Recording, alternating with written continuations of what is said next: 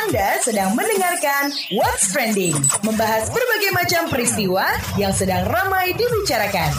Apa kabar Anda hari ini di hari Kamis ya? 14 Maret 2019 Benar ya 14 Maret ya. Wow sudah pertengahan bulan Maret aja ini. Coba saya cek ya benar.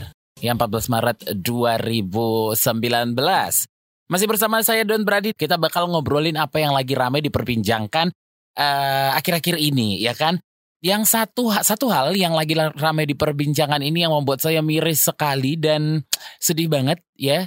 Jadi selasa siang lalu telah dilakukan penangkapan terhadap diduga pelaku terorisme Hussein alias Abu Hamzah di Sibolga, Sumatera Utara. Ini di Tapanuli Tengah dan for your information ini adalah my hometown, kampung halaman saya, Sibolga. Ah, tapi eh, puji Tuhan alhamdulillah ya saudara-saudara di sana aman-aman saja. Dan sementara istri dari Hussein meledakkan diri, Rabu dini hari setelah proses negosiasi 10 jam oleh polisi yang meminta ia menyerahkan diri. Penangkapan tersebut merupakan hasil dari pengembangan tertangkapnya diduga teroris di Lampung beberapa hari lalu. Sementara itu Presiden Joko Widodo memerintahkan kepolisian terus memburu sel-sel teroris yang masih tersisa. Kalau menurut Jokowi sendiri penindakan terhadap terorisme ini uh, harus dilakukan terus-menerus ya demi menjaga keamanan masyarakat. Presiden Jokowi juga mengapresiasi kinerja Densus 88 yang berhasil menangkap terduga teroris Abu Hamzah di Sibolga, Sumatera Utara. Selain itu, Presiden Jokowi juga menyampaikan keprihatinannya untuk korban, keluarga korban, dan masyarakat yang menjadi korban ledakan bom di Sibolga. Peristiwa ini mengingatkan pentingnya meningkatkan kewaspadaan yang bukan hanya tugas aparat, tapi juga masyarakat. Namun, bagaimana sesungguhnya meningkatkan kewaspadaan di masyarakat tanpa menimbulkan stigma dan prasangka? Kita tetap waspada tanpa harus menimbulkan stigma dan prasangka. Nggak harus uh, curiga bawaannya ya, nggak harus negative thinking belum melihat orang yang mungkin tidak seperti biasanya. Nah, ini yang akan kita obrolin pagi ini. Kita nanti akan berbincang dengan Indra Saputra yang merupakan tetangga terduga uh, teroris. Terus juga nanti ada Sus Triana Saragi, peneliti terorisme dari She Safe atau Civil Society Against Violent Extremism. Jadi, jangan ke mana-mana. Jangan lewatkan keseruan topik dari dua host KBR Pagi, cuma di What's Trending. Salah seorang warga Indra Saputra mengatakan Abu Hamzah yang merupakan sosok sering berbaur dengan para tetangganya. Nah, jadi kita nggak bisa mikir, eh, kita nggak bisa langsung ngejudge orang. Padahal si Abu Hamzah ini adalah seorang yang apa namanya sering berbaur dengan tetangga. Menurut Indra, Abu Hamzah sehari-harinya membuka jasa pemasangan instalasi listrik dan memperbaiki alat-alat elektronik, sehingga sering dipanggil ke rumah-rumah warga. Indra mengatakan interaksi warga dengan Abu Hamzah juga wajar-wajar saja. Tapi, kata Indra, istri dan anak-anak Abu Hamzah memang cenderung tertutup. Siapa Indra Saputra ini? Dia adalah merupakan tetangga terduga teroris. Selengkapnya kita akan berbicara dengan Indra Saputra. Indra, selamat pagi. Ada berapa banyak rumah di sekitar tempat tinggal terduga teroris? Kira-kira sekitar 400 kakak ada. 400 kakak kemarin kan, itu 400 kakak. Sebelumnya kan ada di, di ada tiga titik dia kemarin itu yang diduga. Itu rumah si pelaku itu, terus diduga lagi itu rumah orang tuanya sama rumah saudaranya yang di dia dikejar Densus 88. Nah, gimana terduga teroris ini di mata warga sekitar nih, Indra? Ya, dia seperti biasanya, seperti bisa bi, biasa berbicara, be, apa belanja ke belanja ke rumah-rumah warga kan, ke apa berkomunikasi baik kok. Sebelumnya kan nggak pernah kayak, gitu.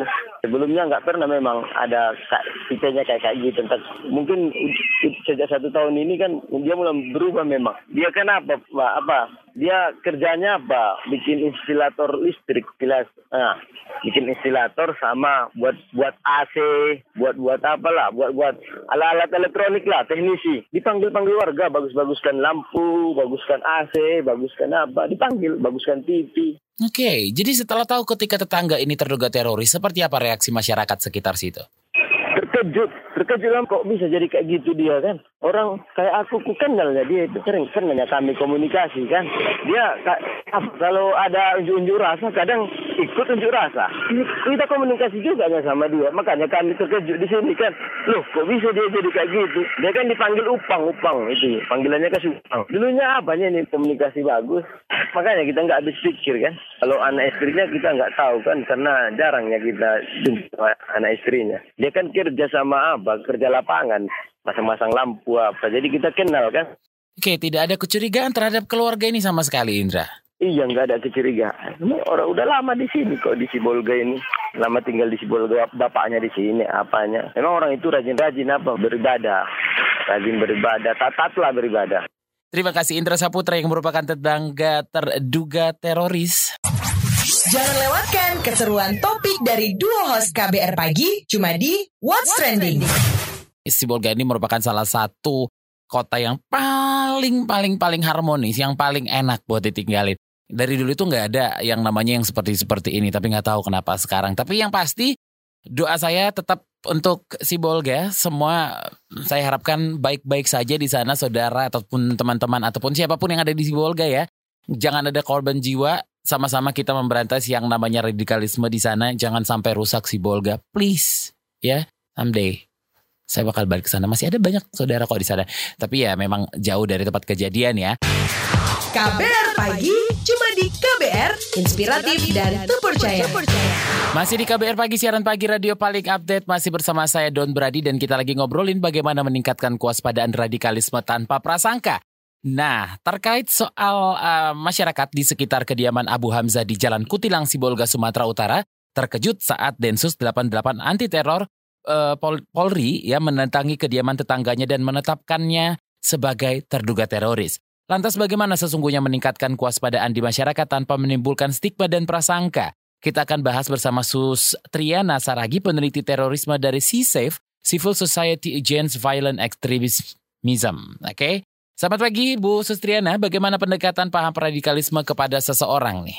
Caranya ini lembut sekali, soft sekali, karena mereka uh, mulainya itu individual approach, one on one approach. Jadi mendekatinya lembut, kemudian menawarkan janji-janji surgawi. Tetapi kemudian ketika janji-janji surgawi itu harus diwujudkan melalui kekerasan, misalnya suicide bomber, bom bunuh diri, atau manifestasi kekerasan lainnya seperti harus membunuh ataupun melakukan kekerasan pada kelompok lainnya. Di situ kita harus aware. Yang namanya radikalisme kekerasan, wujud nyatanya perubahan perilakunya adalah ke kekerasan, ada manifestasi kekerasan. Nah, jadi jadi tidak masalah kita menjadi seorang yang beragama memiliki pengetahuan agama yang banyak. Tapi ketika pada saat kita dituntut untuk mengekspresikan cinta agama kita dengan perilaku kekerasan seperti ikut pengeboman, nah itu situ mulai harus aware. Di situ orang tua keluarga terdekat harus lebih sensitif untuk melihat seperti apa perubahan perilakunya. Kita pun harus sensitif mengenali ini ajaran yang kita terima kok yang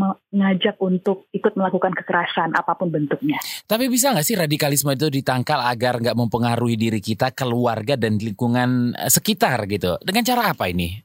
Dewan Keamanan PBB, Sekjen PBB, Bapak Antoni bilang radikalisme terorisme tumbuh subur di orang-orang atau di lingkungan yang penuh dengan kebencian, kemudian penuh dengan rasa pengen balas dendam dan tidak memiliki edukasi yang cukup, pengetahuan yang cukup. Jadi sebenarnya kalau kita mendapatkan pengetahuan atau ilmu tentang bahaya terorisme, kemudian kita juga banyak mendapatkan dukungan dari keluarga, dukungan dalam artian emosional support, dukungan emosional, keluarga kita mengasihi kita, mencintai kita, kemudian kemudian mendukung kita, kemudian juga di keluarga juga mengajarkan tentang toleransi, mengajarkan tentang nilai-nilai kebaikan, nilai-nilai agamis yang penuh dengan cinta damai. Kemudian kita juga selain di keluarga, selain dengan diri sendiri, di lingkungan juga mengaplikasikan cinta tadi, mengaplikasikan perdamaian tadi, mengaplikasikan toleransi tadi, persatuan kesatuan tadi. Kalau saya positif itu bisa ditangkal, itu bisa dikenali dan itu bisa dijauhkan. Oke, okay. bagaimana meningkatkan kewaspadaan di masyarakat tanpa menimbulkan stigma dan prasangka. Kita punya judgement tertentu terhadap tetangga kita, terhadap tertentu terhadap tetangga kita, oh tetangga kita ada afiliasinya dengan terorisme. Instead of kita ngejudge, instead of kita memberikan blame, uh, labeling stereotyping, hal-hal yang negatif itu, kalau saya lebih ke awareness, lebih ke lebih sensitif, lebih uh, peduli terhadap lingkungan sekitar, terhadap warga, tidak sibuk dengan diri kita sendiri, sibuk dengan kerjaan kita sendiri, tapi yuk menyediakan waktu untuk berdiskusi dengan tetangga, memberikan dukungan emosional kepada tetangga, tanyakan kabarnya gimana kabarnya, ada yang bisa dibantu. Relasi yang hangat seperti ini memudahkan kita sebenarnya untuk membantu yang bersangkutan kalau ternyata terlibat dalam aksi terorisme membantu yang bersangkutan untuk kembali lagi ke arah yang benar gitu. Kalau memang sudah ke kanan-kananan bisa lagi ke arah kiri gitu, bisa lagi ke arah yang netral. Nah, relasi yang hangat antar individu, relasi yang hangat antar keluarga ini sebenarnya bisa sangat bisa sangat mungkin uh, untuk mencegah tumbuh suburnya terorisme di di level yang paling rendah, level desa, level keluarga. Terima kasih Sustriana Saragi, peneliti terorisme dari Sea Safe. What's Trending, membahas berbagai macam peristiwa yang sedang ramai dibicarakan. Saya Don Brady pamit, salam. KBR, inspiratif, terpercaya.